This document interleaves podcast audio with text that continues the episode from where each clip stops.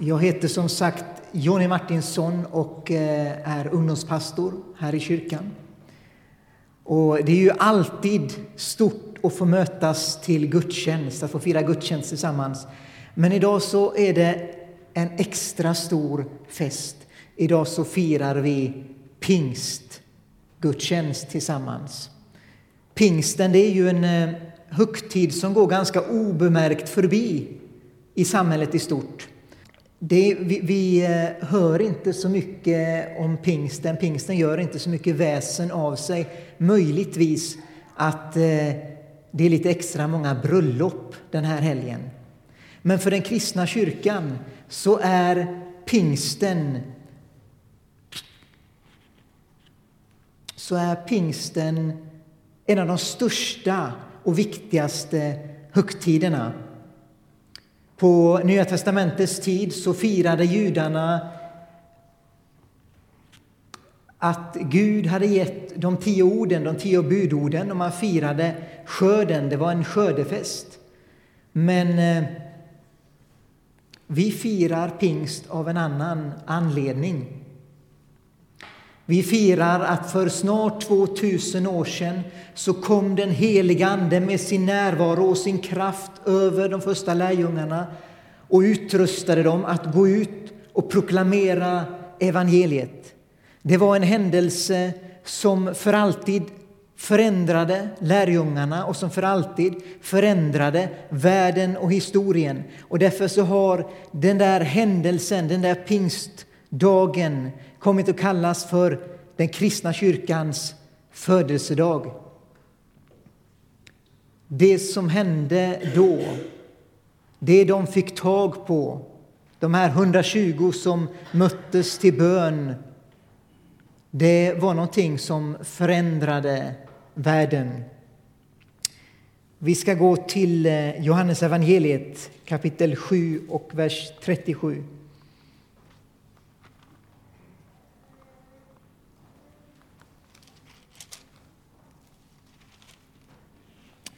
Johannes evangelium kapitel 7 och vers 37. Här står det om en annan högtid, lövhyddohögtiden som judarna firade för att minnas och påminna sig om Guds trofasthet när man var i öknen. Och så står det så här att på högtidens sista och största dag så ställde sig Jesus och ropade är någon törstig så kom till mig och drick. Den som tror på mig, ur hans inre ska flyta strömmar av levande vatten, som skriften säger. Detta sa han om anden som de som trodde på honom skulle få, ty ännu hade anden inte kommit eftersom Jesus ännu inte hade blivit förhärligad. Och så går vi till det som är pingstdagens stora text framför andra, Apostlagärningarna kapitel 2, från den första versen och framåt. Där står det När pingstdagen kom var de alla församlade. Då hördes plötsligt från himlen ett dån som av en stormvind och det fyllde hela huset där de satt. De såg hur tungor som av eld fördelade sig och stannade på var och en och alla fylldes av helig ande och började tala andra tungomål med de ord som Anden ingav dem. I Jerusalem bodde fromma judar från alla länder under himlen. När dånet göd samlades hela skaran och förvirringen blev stor när var och en hörde just sitt språk talas. Utom sig av förväntan sa de, men är de inte galileer allesammans, dessa som talar? Hur kan då var och en av oss höra sitt eget modersmål talas? Vi är pater, meder, elamiter. Vi kommer från Mesopotamien, Judeen och Kappadokien, från Pontus och Asien, från Frygien och Pamfylien, från Egypten och trakten kring Kyrene i Libyen. Vi har kommit hit från Rom, både judar och proselyter. Vi är kretensare och araber. Ändå hör vi dem tala på vårt eget språk om Guds stora gärningar. I sin häpnad visste ingen vad han skulle tro och de frågade varandra vad betyder detta? Men andra gjorde sig lustiga och sa de har druckit sig fulla på halvjäst vin. Då steg Petrus fram med de elva andra och tog till orda och talade till dem. Judar, ja, alla ni som bor i Jerusalem, detta ska ni veta, lyssna till mina ord. Det är inte som ni tror, att de här männen är berusade. Det är bara morgon. Nej, detta är vad som har sagts genom profeten Joel. Det ska ske i de sista dagarna, säger Gud, att jag utgjuter min ande över alla människor. Era söner och döttrar ska profetera, era unga män ska se syner och era gamla män ha drömmar. Jag över mina tjänare och tjänarinnor ska jag i de dagarna utgjuta min ande och de ska profetera. Jag ska låta sällsamma ting visas uppe på himlen och tecken nere på jorden, blod och eld och moln av rök. Solen ska vändas i mörker och månen i blod innan Herrens dag kommer, den stora och strålande, men var och en som åkallar Herrens namn ska bli räddad. Djupt inom varje människa så finns det en längtan efter Guds närvaro. Vi längtar efter att få uppleva och känna Guds kärlek, efter att få känna Guds kraft, efter att få känna Guds frid. Vi är skapade för att leva inför Guds ansikte i hans närhet. Och den där närheten, den där närvaron, den kommer till oss genom Guds ande. Det är inte så ofta vi talar om anden, men han är ju den tredje personen i gudomen. Och det där det kan nog vara lite svårt att förstå. Hur kan Gud vara en och ändå tre personer? Fader, Son och helig Ande. Vi tror på det, inte därför att vi förstår det, utan därför att det är så Gud har uppenbarat sig i historien, i Bibeln och i Jesus. Det berättas om eh, Augustinus, en av kristenhetens stora tänkare, att han vid ett tillfälle på 300-talet efter Kristus gick längs med stranden vid Medelhavet och funderade just på det här. Och så fick han se en liten pojke som hade grävt en grop i sanden. Och han hade en liten sked i handen. Han gick till havet, fyllde sin sked med vatten, gick till gropen, hällde ner sitt vatten, gick tillbaka till havet, fyllde sin sked, gick till sin grop, hällde ner vattnet. Och så höll han på. Och Augustinus stod där en lång stund och tittade på honom. Och till slut frågade han, vad gör du för någonting? Och pojken svarade, jag ska fånga havet i min grop. Och Augustinus förstod att jag är precis som den här lilla pojken som tror att jag kan fånga Gud med mitt begränsade förstånd. Vi kan inte förstå Gud. Om vi skulle kunna mäta och väga honom, om vi skulle kunna få in honom i ett laboratorium och analysera honom, då vore han inte Gud. Vi kan inte förstå honom, inte därför att han är ologisk, utan därför att han övergår vårt förstånd. Det vi kan förstå, det är det han uppenbarar för oss. Som någon har påpekat så är det också så att Gud är kärlek. Och kärleken med stort K behöver någon att älska och därför så behöver Gud inom sig vara relation. Den helige Ande han fanns med redan från början. I Bibelns första bok, i den första kapitlet och de första verserna så står det att i begynnelsen skapade Gud himmel och jord. Jorden var öde och tom, mörker var över djupet och Guds ande svävade över vattnet. Anden fanns med i skapelsens morgon och gav liv och ordning.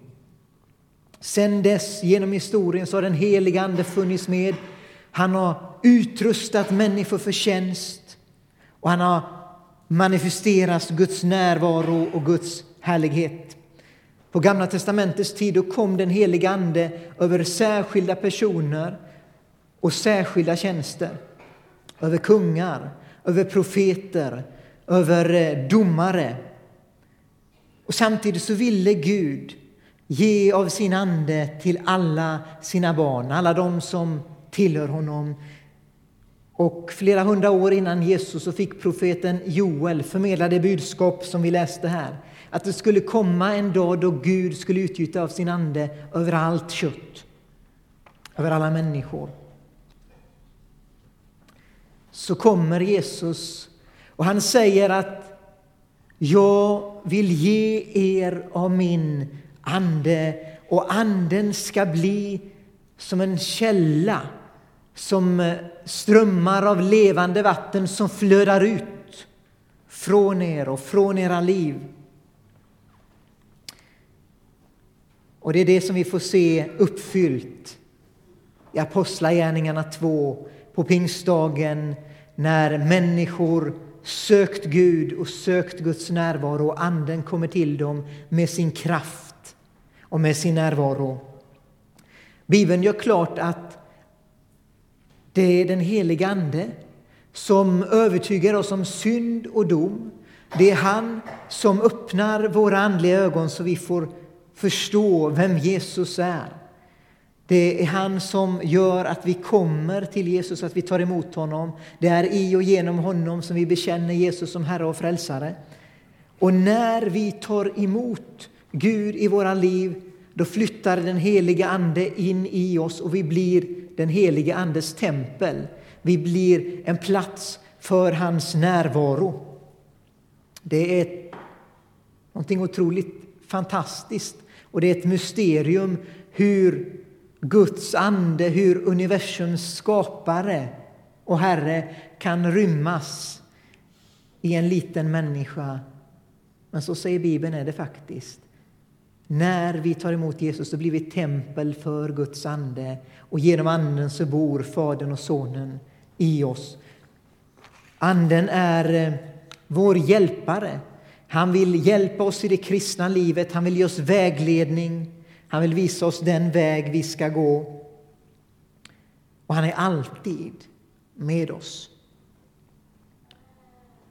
I Johannes evangeliet kapitel 20, vers 22 efter Jesu död och uppståndelse så står det att Jesus andades på sina lärjungar och sa ta emot helig ande. Där och då fick lärjungarna ta emot den heliga Ande i sina liv. Och ändå så fanns det någonting mer som Gud ville ge, någonting mer som Gud ville göra. Och därför så står det i Lukas evangeliet kapitel 24 och vers 49 precis innan Jesu himmelsfärd att han säger ni ska stanna i staden tills dess att ni blir beklädda med kraft från höjden. Och I Apostlagärningarna 1 och 8, som Mats läste här, precis innan himmelsfärden, så säger Jesus men ni ska få kraft. När den helige Ande kommer över er så ska ni få kraft att bli mina vittnen i Jerusalem, i Judeen, i Samarien och till jordens yttersta gräns. Det fanns ännu en erfarenhet som Gud hade för sitt folk. Och Det är det vi brukar kalla för dopet i den helige Ande eller att bli uppfylld av den helige Ande. Det finns en del eh, människor som säger att ja, men alla kristna har den helige Ande. När vi tar emot Jesus då får vi den helige Ande. Eh, och de här lite mer extraordinära sakerna, det här med tungotal och profetia och människor som är sjuka som blir botade, det var nog bara för den här första kristna tiden, för apostlarnas tid. Sen så fick vi ju Bibeln och nu, nu, nu behöver vi inte det där längre. Det är intressant att eh, Jesus säger att Guds ord, det är som bröd. Och att Andens närvaro och Andens liv, det är som vatten, eh, strömmar av levande vatten som flödar fram. Att säga att vi inte behöver uppfyllelsen av den heliga Ande idag eftersom vi har Bibeln, det är som om någon skulle säga jag, behöver, jag äter mat så jag behöver inte dricka och jag behöver ingen vätska. Vi behöver Guds ord. Men vi behöver också Guds ande, han som har inspirerat ordet och som vill göra det levande för oss. Om apostlarna och de första kristna behövde Guds närvaro och Guds kraft på det här speciella sättet, då behöver vi det idag ännu mer. Det finns en del människor som kanske har mött överdrifter, och missbruk av det som är Andens gåvor och som därför drar sig lite grann för det karismatiska. Kanske tänker man på den här eh, överspända personen som alltid måste skrika i tungor. Eller på den här personen som man mött som använder det profetiska på ett manipulativt sätt för att få igenom sin vilja. Och allt det där det förekommer, det händer. Men det är väldigt sorgligt att gå miste om det Gud vill ge oss bara för att det kan missbrukas. Det kristna livet, det liv Gud har kallat oss till, det liv eh, Gud eh, vill ge, det behöver en övernaturlig dimension och kraft.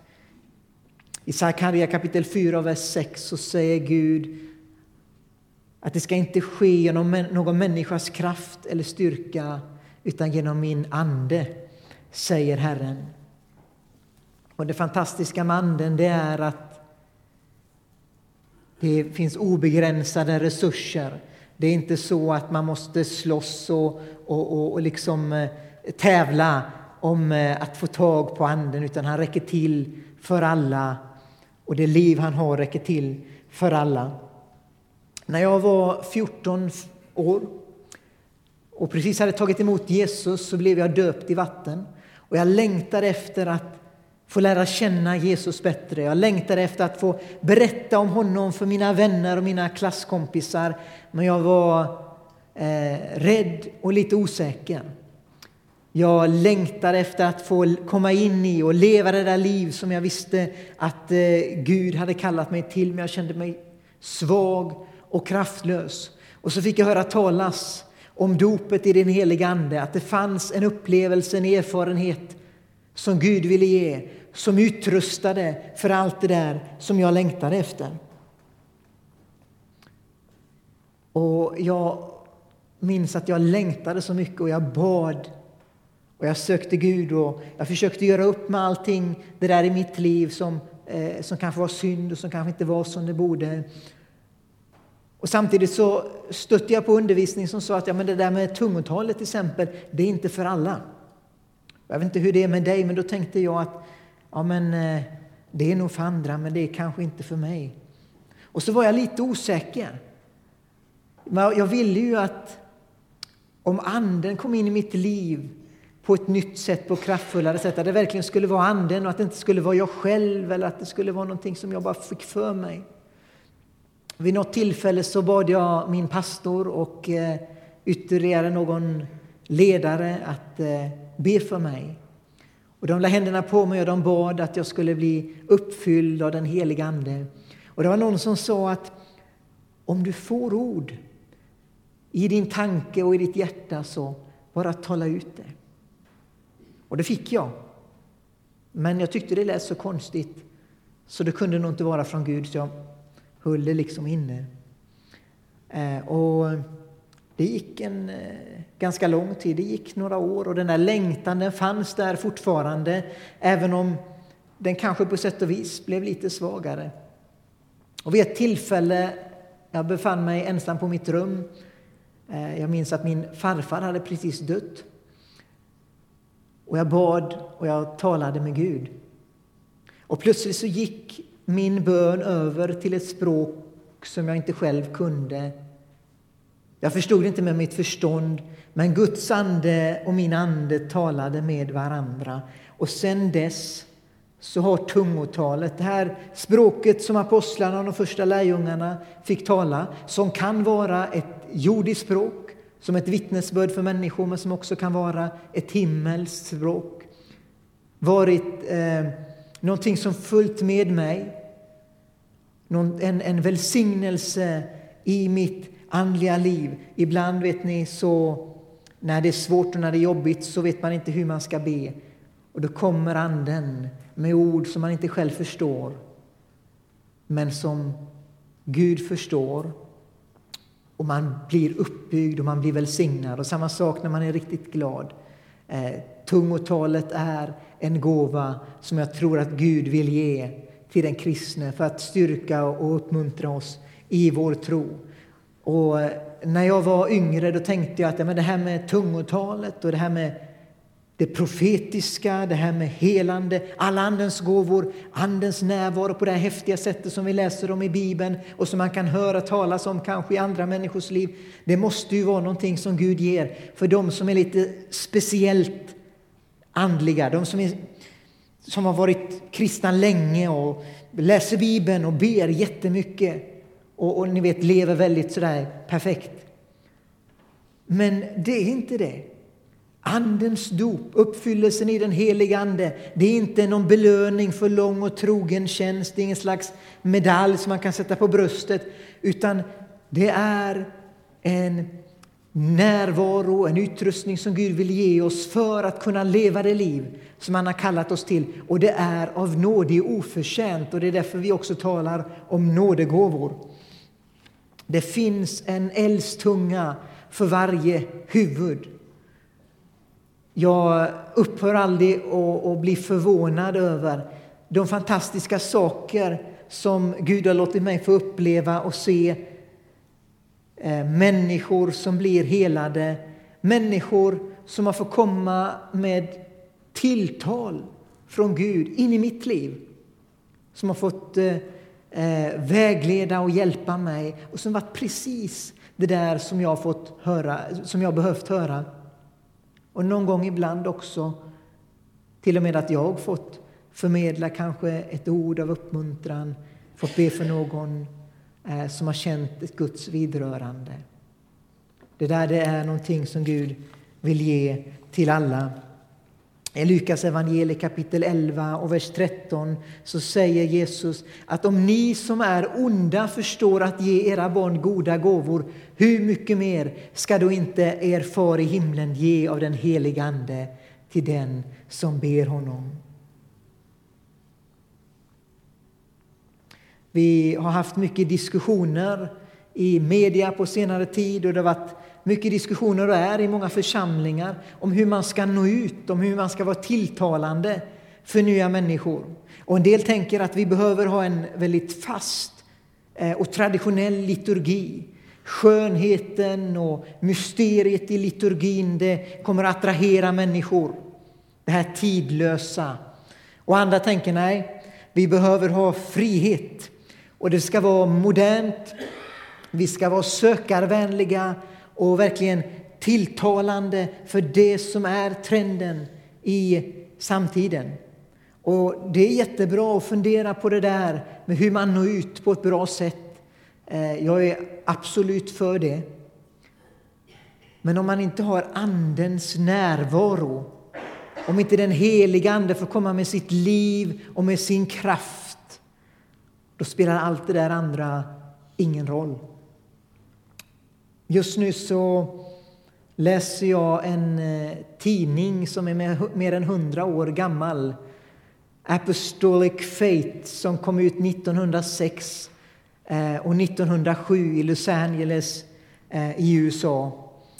Och det var en tidning som publicerades på det som skulle bli den moderna pingstväckelsens födelseort. Och det är spännande att läsa om vad Gud gjorde, om tecknen och om undren eh, också om de första svenskarna som var där och som åkte tillbaka till Sverige eh, och som skrev om eh, det man hade fått i sina hjärtan och det som Gud började göra. Och det är intressant när man läser där att eh, det står att the color line was washed away in the blood. 1906 och 1907 alla barriärer som fanns på den tiden mellan könen, mellan människor av olika färg, olika etnicitet, mellan rik och fattig, mellan människor från olika religiös bakgrund. Det föll ihop och blev till intet när den helige Ande kom med sitt liv och med sin närvaro och människor blev uppfyllda av Guds kraft för tjänst men också av Guds kärlek till varandra, till Gud och till de förlorade. Därför så sa också de första ledarna att det spelar ingen roll hur mycket du går ut härifrån och talar i tungor. Om du inte har kärlek så är du inte döpt. i den heliga Ande. Den, dopet i den heliga Ande det är ett dop av nåd till kraft och till kärlek till Gud och till människor. Och det är någonting som Gud vill ge oss, var och en och som församling. Jag vet att det finns många som upplevt den här erfarenheten och samtidigt är det som Mats säger, att de blir uppfyllda mer och mer. Ibland vet ni så läcker vi och vi behöver fyllas igen och igen mer och mer av Andens närvaro, av hans kraft. Och när vi gör det, då tror jag att det finns ingenting som kan hindra människor att komma till kyrkan. När man känner att här finns Gud, här blir Guds härlighet, här blir Jesu skönhet manifesterad. Här får människor på ett övernaturligt sätt bli befriade från det som binder. Här får man möta en kärlek och en glädje som inte finns någon annanstans. Det kommer att locka och det kommer att förändra och förvandla. Och det fantastiska det är att eh, Gud är densamme idag som han var förr. Hans kraft är densamma. Och det han gjorde igår, det vill han göra också idag när vi söker honom och när vi låter honom få hans rätta plats bland oss. Vi ska fortsätta och eh, vara inför Guds ansikte. Och medan vi är inför Gud så skulle jag vilja att vi bara öppnar våra hjärtan för den helige Ande. Kanske längtar du efter dopet i Anden. Kanske längtar du efter att bli förlöst i tungotal eller i någon annan av Andens gåvor. Kanske har du upplevt det, men du skulle vilja få ännu mer. Låt oss den här stunden bara öppna våra hjärtan för Guds ande, inbjuda honom. Och så kan man sitta ner eller stå upp. Man kan be högt eller man kan be tyst. Men vi är inför Gud och låter den helige Ande verka på våra hjärtan.